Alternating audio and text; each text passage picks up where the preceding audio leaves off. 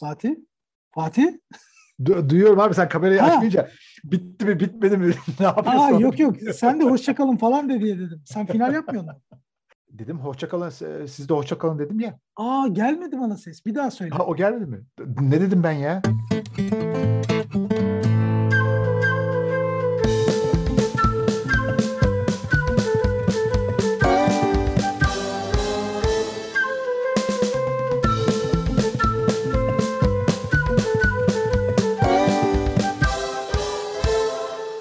Meg'in yeni bölümünden herkese selamlar, sevgiler. Ben İlker Şimşekcan. Ben Fatih Ayolu. Bugün yine sizlerin huzurundayız yeni bir podcast bölümümüzde. Normalde rutin olarak her pazar günü bir podcast yayını sizler için çekiyorduk. Fakat bu hafta Fatih'in bir misafiri vardı. Yeni bölüm çekemedik. Fatih sana klasik de nasılsın görüşmeyeli onu sorayım. Ee, İlker çok teşekkürler. Yok bir yaramazlık esasında. Güzel gelişmeler oldu bu hafta. Ee, karanlık odam için en azından. Marangoz'dan fiyat teklifini aldım, onayladım.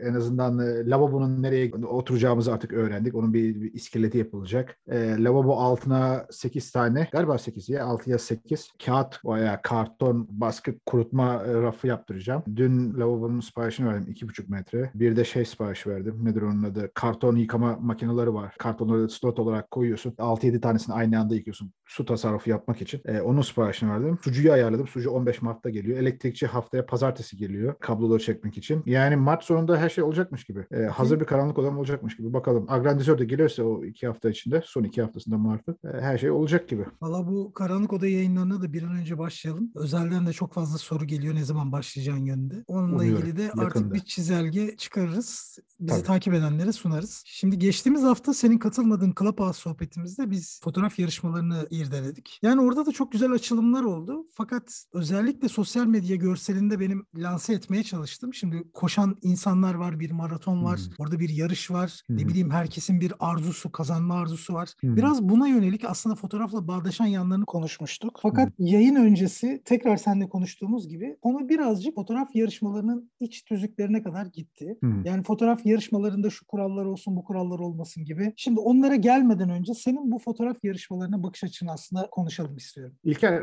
anladığım kadarıyla güzel bir konuyu kaçırmışım. Esasında polemikli bir konu. Yani baktığın zaman fotoğraf yarışmaları Türkiye'de bayağı su götüren veya su kaldıran mı denir, su götüren mi denir? O polemiği fazla olan konular. Özellikle yurt dışında da son dönemlerdeki daha doğrusu birçok fotoğraf yarışmasında bayağı polemikler oluştu. Bilmiyorum ne kadar takip ettin. Ben fotoğraf yarışmalarına karşı değilim. Yani öyle bir otorite olmadığım için, hiç de katılmadığım için, dolayısıyla hiç de kazanmadığım için e, kimseye şey diyemem. Ha ben fotoğraf yarışmalarına karşıyım, e, insanlar katılmasın falan diyemem. Ama şunu tavsiye edebilirim veya okuduğum kadarıyla, forumlarda okuduğum kadarıyla veya insanlardan dinlediğim kadarıyla fotoğraf yarışmalarında seçicilik önemli. Yani her yere deli gibi ben kazanacağım diye fotoğraf yüklemekten ziyade yani sonuçta bunların hepsine bir başvurma gerekiyor. Onlar, onlardan ziyade seçerek yani sizi cidden temsil eden veya sizin yorumlarını almanızı istediğiniz fotoğrafçıların jüride olduğu veya onlara yakın fotoğraflar çekiyorsanız onları tercih etmeniz e, sizin için daha keyifli. Sonuçta bu fotoğraf yarışmalarından insanların keyif alması gerekiyor. Yani bu işin sonunda maddiyat tabii ki var. Özellikle yurt dışındaki yarışmalarda saçma sapan rakamlar dönüyor. 100 bin dolarlık ödüllü fotoğraf yarışmaları var. Herkes onu kazanmak ister.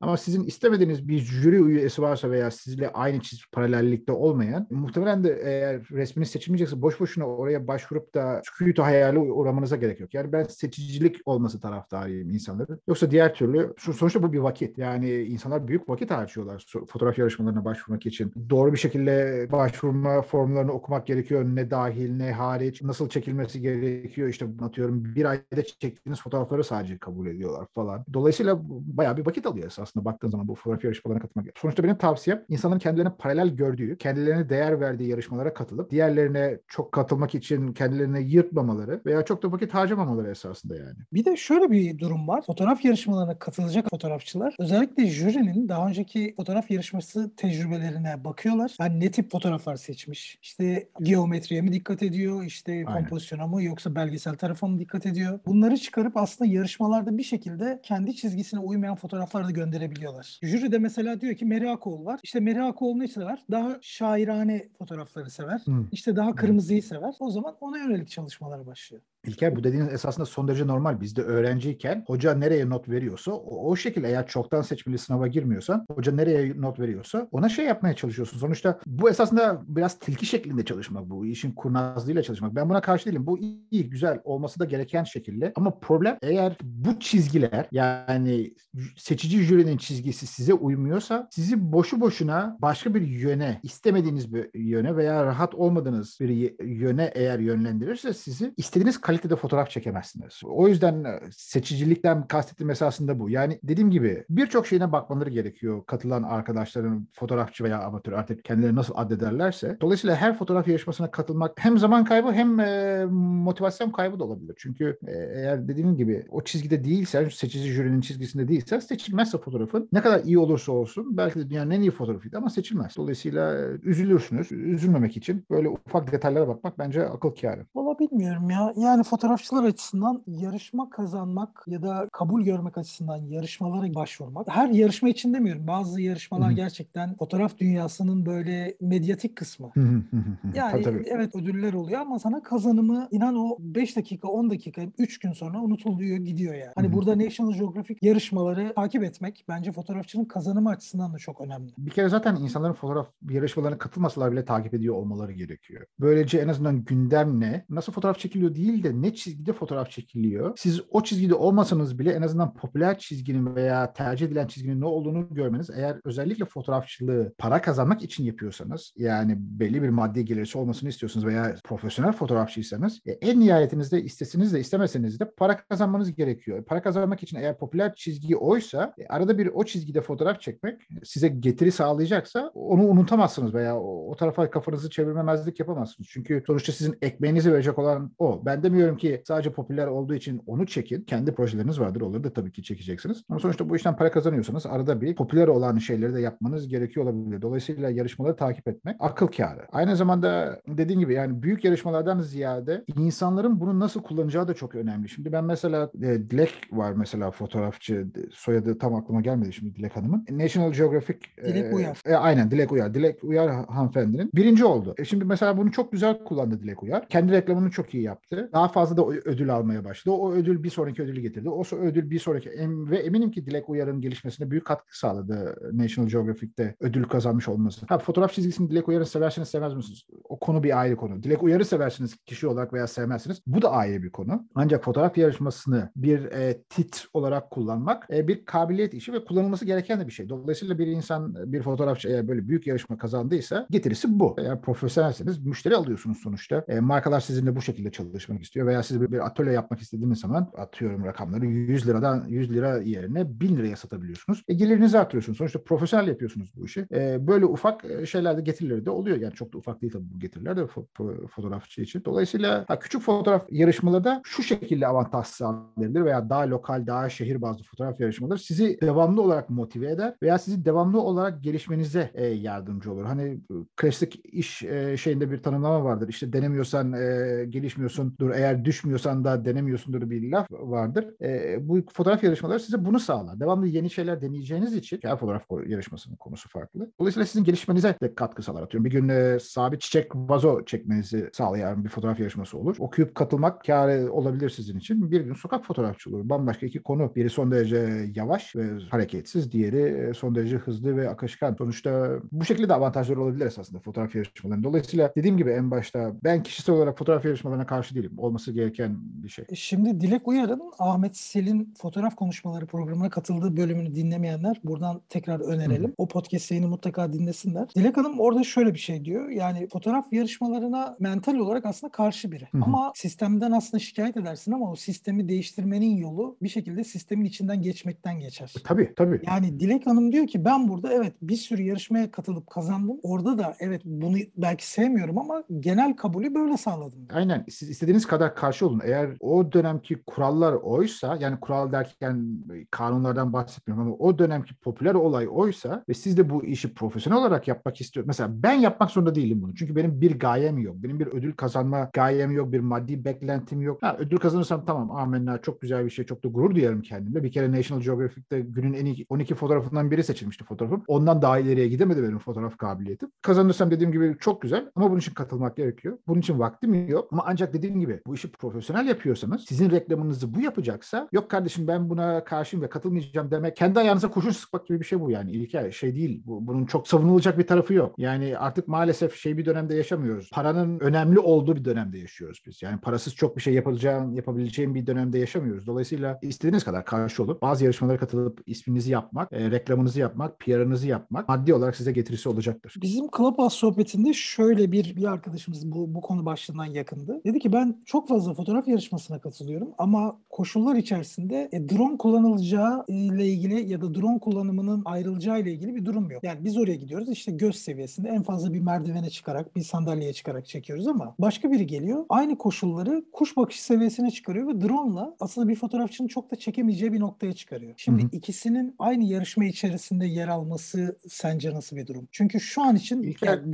drone da neticede teknolojik bir gelişim. Onun da bir fotografik durumu var. Yani o da bir kayıt cihazı. Sence drone klasman olarak ayrılmalı mı? E, bu yarışmadan yarışmaya göre değişir. Bu arkadaş drone kullanmak istemiyorsa gitsin helikopter kiralasın oradan çeksin. Yani 20 sene evvel insanlar helikopter kiralıyordu aynı fotoğrafı çekebilmek için. Yani Art Wolfe mesela bir e, doğa fotoğrafçısı yani doğa derken işte hayvanları falan da çekiyor veya atıyorum normal manzaraları da çekiyor. O adamın kitabını okuduğum zaman anlatıyor ki foto e, helikopterden çekiyor. Yani yukarıdan fotoğraf çekmek zaten vardı. Bu drone çıkmış bir olay değil. Mesela Alp Alper var. Eski Net Geo fotoğrafçısı Türkiye'de. O da uçakla mesela çekti. Yani planör uçaklarla Türkiye'yi fotoğrafladı. Dolayısıyla yukarıdan fotoğraf çekmek zaten vardı. Drone'la daha ayağa yani ayağa düştü kötü bir kelime olabilir ama daha belki popüler oldu veya daha ulaşılabilitesi arttı. Yukarıdan fotoğraf çekmenin. Ama sonuçta o da bir fotoğraf. Yani onu ya ayırabilirler. O yarışmadan yarışmıyor. Çünkü mesela bazı yarışmalar sadece drone kabul ediyorlar. Yani drone ile çekmek zorundasınız. Genelde bu yarışmalar e, drone firmalarının yaptığı yarışmalar. İşte DJI midir artık nasıl firmalar varsa onların yaptığı e, yarışmalar. Ancak bir yarışmaya sadece bir drone çekiyor diye ona tüy kaka diyemezsiniz. Çünkü eğer ayırmadılarsa ayırmadılar. Eğer fotoğrafçıysanız siz belli bir maddi gücünüz var demektir bugün. Sonuçta bu makineler bedava değil. Ve eğer siz drone'un size avantaj sağlayacağına inanıyorsanız ve o yarışmayı kazanmak istiyorsanız gidip drone alacaksınız. Bunun bir şeyi yok. Yani bu bu bir özür değil. Fotoğraf yarışmasını karalamak için bir özür değil. Onu anlatmaya çalıştım. Yani o zaman fotoğraf niye fotoğraf makinesiyle çekiliyor? Cep telefonuyla çekin sadece. Yani anlatabiliyor muyum? Şey değil. Drone'u ayırmak ayrı bir fotoğraf yarışması ayırdıysa ayırmıştır. Ayırmadıysa o da kabul edilen bir şeydir yani. Burada şimdi fotoğraf yarışmasını kötüleme maksadıyla değildi bu ama ya bu bir yerde haklı bir yakarış aslında. Yani ben bir yarışmaya gidiyorum. Evet ortada bir ödül var ama fotoğraflama şartlarımız eşit değil. Şimdi ben helikopter kiralamak şey gibi oluyor. Ekmek bulamıyorsanız pasta yiyin. pasta yiyin tabii. Ama şimdi şöyle bir şey var. Yani mesela senin çektiğini göz hizasından da drone çekemez. Farklı fotoğraflar çekiyorsunuz esasında. Aynı fotoğrafı çekmiyorsunuz. Ondan sonra karar verecek olan merci yani jürileri nasıl fotoğraf beğendikleri önemli tabii ki burada. Yani adam esasında jüride diyelim ki 3 kişi var. Jüri sadece drone fotoğrafı beğeniyorlarsa veya Instagram'dan da takip edebilir insanları. Mesela atıyorum jüride kim var? Mesela Mustafa Sevenver diyelim veya Ahmet Sel atıyorum. Bu insanlar sadece drone fotoğrafları koyuyorlarsa Instagram sayfalarına sadece drone fotoğrafları beğeniyorlarsa demek ki drone fotoğrafı tercih edecekler yarışmada. E, o zaman ya hiç katılmayın ya da siz de bir tane drone edinin. Ha eğer jüride çeşitli insanlar varsa çeşitli şeyler beğenen, janraları beğenen, çeşitli şekilde fotoğraf beğenen. E, o zaman sizin de şansınız var. Çünkü drone'un çektiği fotoğrafı siz çekemiyorsunuz ama sizin çektiğiniz fotoğrafı da drone çekemez. Çünkü dronelar sabit lensli sonuçta. Bildiğim kadarıyla çoğu 28 milimetrelik geniş açı veya daha da geniş. E siz atıyorum 35 çekersiniz, 50 çekersiniz, 85 çekersiniz, 200 ile çekersiniz. Bambaşka bir fotoğraf çekersiniz göz hizasından. Onu hiçbir zaman drone çekemez. Sonuçta burada jürinin karar vereceği yine teknik kompozisyonlar olsun, hikaye olsun veya başka şeyler olsun artık yarışmanın kuralı neyse. Dolayısıyla dediğim gibi aynı siklette belki değiller ama ikisi de farklı fotoğraf çekiyor. Bir de onu düşünmek lazım. Valla ben burada sanki fotoğrafçıların jüri tabanlı olarak yarışmalara gitmesine karşıyım gibi hissediyorum. Yani bu bir zeka pırıltısıysa e, bu sosyal yaşamda şey gibi böyle bir ortama girdiğinde ortamın göz bebeği olmaya çalışmak ya da her ortamda Hı. bulunduğu kabın şeklini almak gibi hissediyorum. Ben mesela o o fotoğrafı seviyor diye kendimden taviz vermeme taraftarıyım. Çünkü Doğru. benim grafik çizgim belki drone'a el vermiyor. Ben belki işte hala analog çekmeye diretmemin nedeni bu. Aynen. Ama bu Aynen. şey değil. Popüler bir isim olmak amacını gütmeyen biri için ya da fotoğrafta tüm kriterlerin aynı olmadığı insanlar için konuşuyorum. Şimdi benim için fotoğraf bunu ifade ediyor. Şimdi drone konusuna gelince de benim fikrim şu. Ya sen ister drone ile çek, ister pinhole ile çek, istersen Leica ile çek, istersen Minolta ile çek. Çektiğin o basit bir karanlık kutuyu düşününce aslında o sadece kayıt altına al, alan, içinde hassas bir yüzeyi ya da bir dijital ekranı barındıran basit makine aslında. Şimdi burada sizin ilk önce görmeniz için beslenmeniz gerekiyor. Yani beslenme Aynen. alanında ne kadar kendinizi geliştirdiyseniz geçmiş yılınızda atıyorum bunu bir çanta olarak düşünürsek çantanızda ne kadar evrak, ne kadar müzik CD'si, ne kadar minimum sanat gereçleri varsa siz aslında sonuç olarak fotoğraf ben çekemiyorum demezsiniz. Çünkü Hı-hı. siz artık bir gelişim sürecini tamamlamışsınızdır. Hı-hı. Yani Hı-hı. fotoğraf çeken birinin eline analog da verseniz, dijital de verseniz, drone da verseniz o bir şeyler çekecektir. Yani drone çekenin de aslında arkasında bir birikim olduğunu hissedersin. Tabii, yani drone size görmek açısından sadece açısal bir farklılık yaratıyor ama fotoğrafik olarak ben çok şey ortaya koyabileceğini düşünmüyorum boş bir insanın. Dediği doğru yani sadece biri drone sahibi olduğu için daha iyi fotoğraf çekiyor demek değil. Bunu daha evvel konuştuk. Yani daha, evet. daha iyi daktilo sahibisin diye iyi yazar veya Leica sahibisin diye iyi fotoğrafçı. Öyle olsaydı ben olurdum. Yani üç tane Leica'sı olan bir insandı. Ama olmadı yani.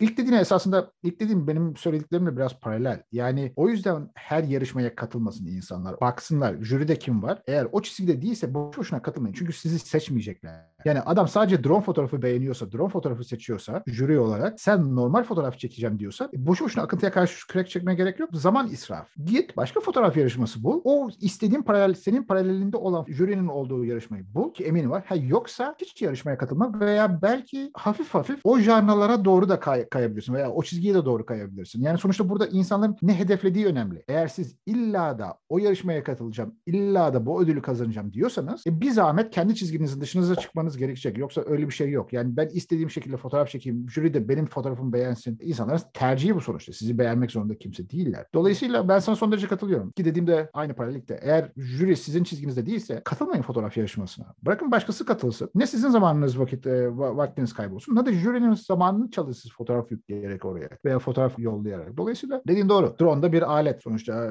dediğin gibi pinholden hiçbir farkı olmayan değişik açı veren yani yükseklik açısını veriyor size. E, onu yani yüksekten bakmayı o şansı veriyor size. Ki bence şu anda drone özellikle popülerlikten sonra şu anda drone fotoğraflarına baktığım zaman standart drone fotoğrafları. Atıyorum işte Abant'tan e, S şeklinde yol, karlı, ortadası siyah yolun olduğu veya Lofoten adalarından yukarıdan çekilmiş bir şey veya Yedi Göller'de başka yerden çekilmiş. Baktığın zaman hep standart. Çünkü oturup da drone'u bambaşka saçma sapan bir yere koyup da fotoğraf çekilmiyor. Çünkü doğal olarak da güzel olan şeyler 3 aşağı 5 yukarı biliniyor artık. O kadar fotoğraf çekildiği için günde. Dolayısıyla dediğin doğru. Yani beğenmiyorlarsa veya o jüride değilse ve o çizgiden dışarı çıkma zaten sen de. Kendi çizgiden dışarı çıkma. Katılma kardeşim fotoğraf yarışmasına. Kimse sana illa da buna katılacaksın demiyor. Dediğin doğru. Ya o zaman şöyle ters köşe mi yapacağız? Biz fotoğraf yarışmasına katılmak istiyoruz. Önce jüriye bakıp aslında fotoğraf janrınıza uyup uymadığını çıkartmak belki de tabii. Hani zaman kaybetmemek açısından daha doğru gibi. E, e tabii kardeşim yani yola arabayla çıkıyorsun arabanın yağını suyunu nasıl kontrol ediyorsan yarışmaya katılmadan evvel jürinin ne olduğuna bakacaksın. Yani bu, bu, bu şey değil ki. E, bodoslama giremezsin ki herkese. Gece bir yere gidiyorsun mesela atıyorum bir restorana gidersin. E,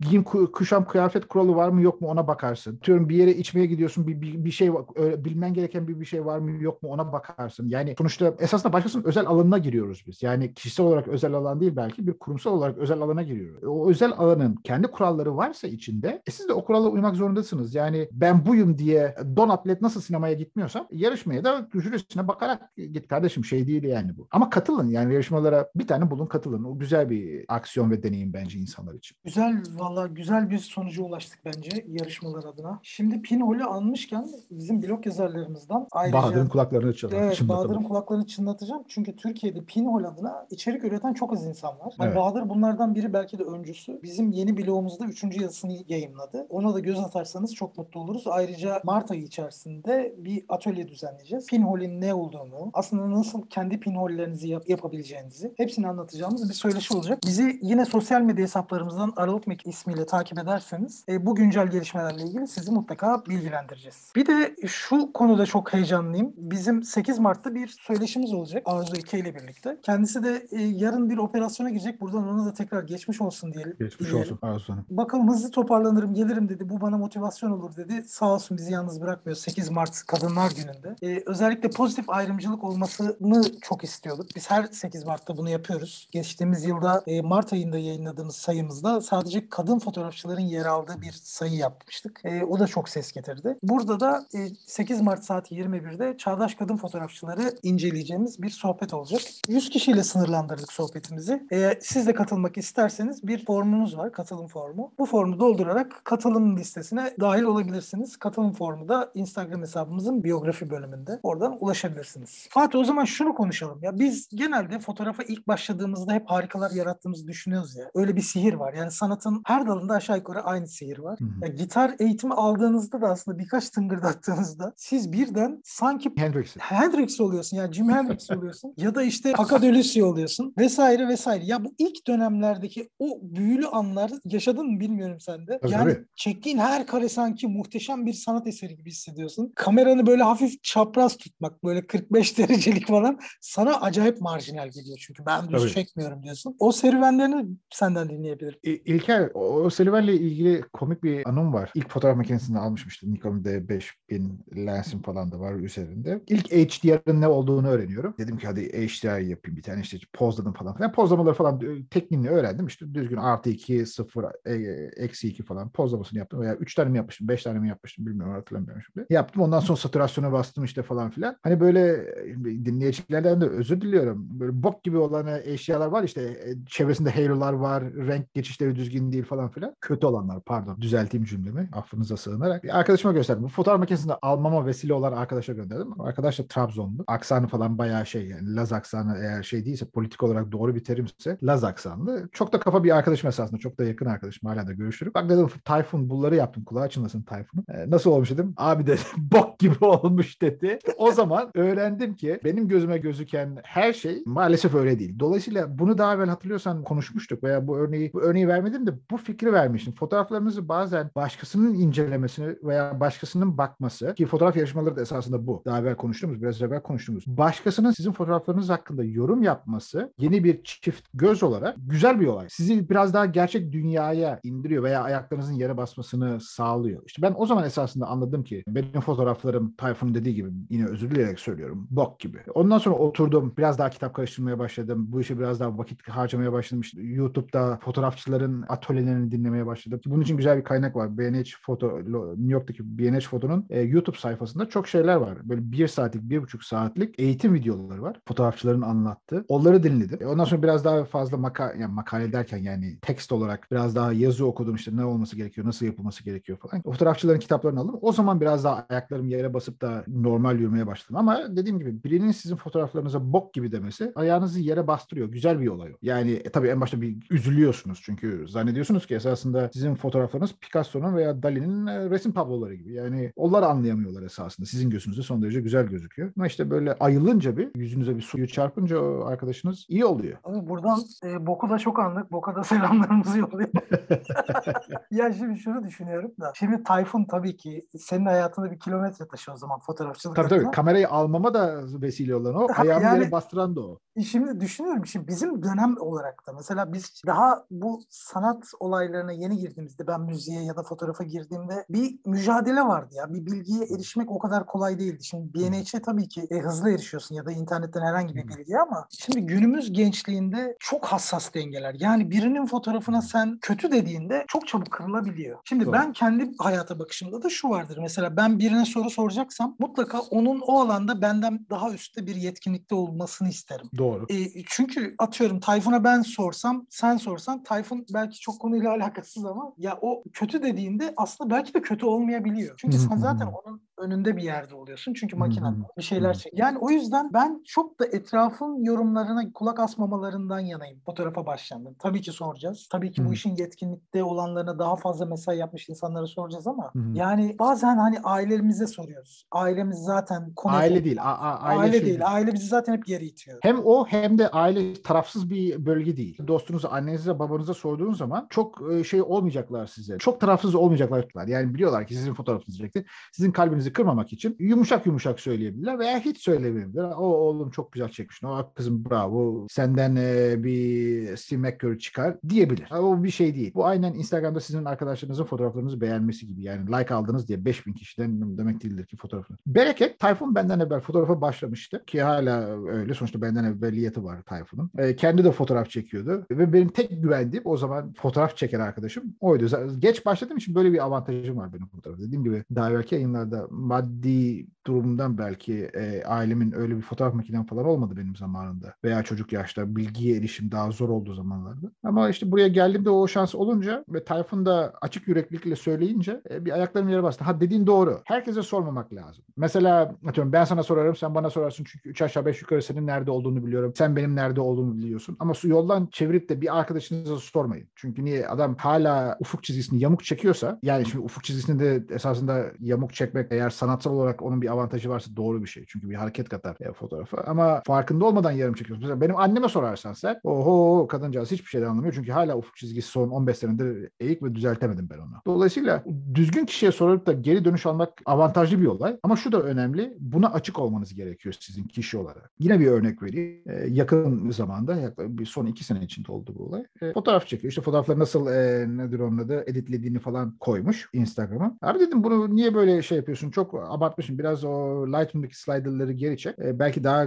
organik, daha güzel, daha yumuşak bir fotoğrafın olabilir. Ben böyle seviyorum dedi ve beni sildi bayağı bildiğim bir şekilde. Yani adam hayatından sildi beni. E, silsin öne, önemli değil. Demek ki daha henüz o, o olgunluğa erişememiş. Dediğin çok doğru. Anlatırken konuyu şöyle dedim. Yani sizden tecrübe olarak daha iyi olduğuna inandığınız kişilere danışın dedim ama ya bunu yaşla ortaya çıkaramıyoruz biliyor musun Fatih? Yani hmm. yaş, tecrübe ya da sürekli fotoğraf çekiyor olmak o kişi aslında açısından size yarar sağlayacak anlamına gelmiyor. Doğru. Çünkü doğru. kişinin gerçekten edebiyatta, müzikte, bir şekilde hayata bakış açılarında, okuduğu kitaplarda vesairede bir yol kat etmesi gerekiyor. Yani fotoğraf makinesi dediğiniz zaten deklanşörden ibaret. Öyle düşünelim Aynen. en basit Aynen. anlamda. Yani on binlerce fotoğraf da çeksen gelişmediğinizde gelişmiyorsun. Tabii tabii. tabii, yani tabii yaşınız 65 oluyor, 70 oluyor neyse ileri yaşlarda. Aynen. Aynı yerde kalıyorsunuz. Yani o kişinin de bazen tavsiyesi işe yaramıyor. Aynen. Çünkü onlar yani daha kibirli oluyor. Olan, aynen. Belli bir birikimi olan insanları da tercih etmek önemli bu konuda tabii ki. E, Valla bugünkü sohbetimiz de çok keyifliydi Fatih. Yavaş yavaş podcastimizin de sonuna gelelim. Biz her hafta bir podcast yayınıyla sizlere ulaşmaya çalışıyoruz. Siz de aklınıza gelen konuları, konu başlıklarını, görüşlerinizi, önerilerinizi, tavsiyelerinizi her şeyleri bize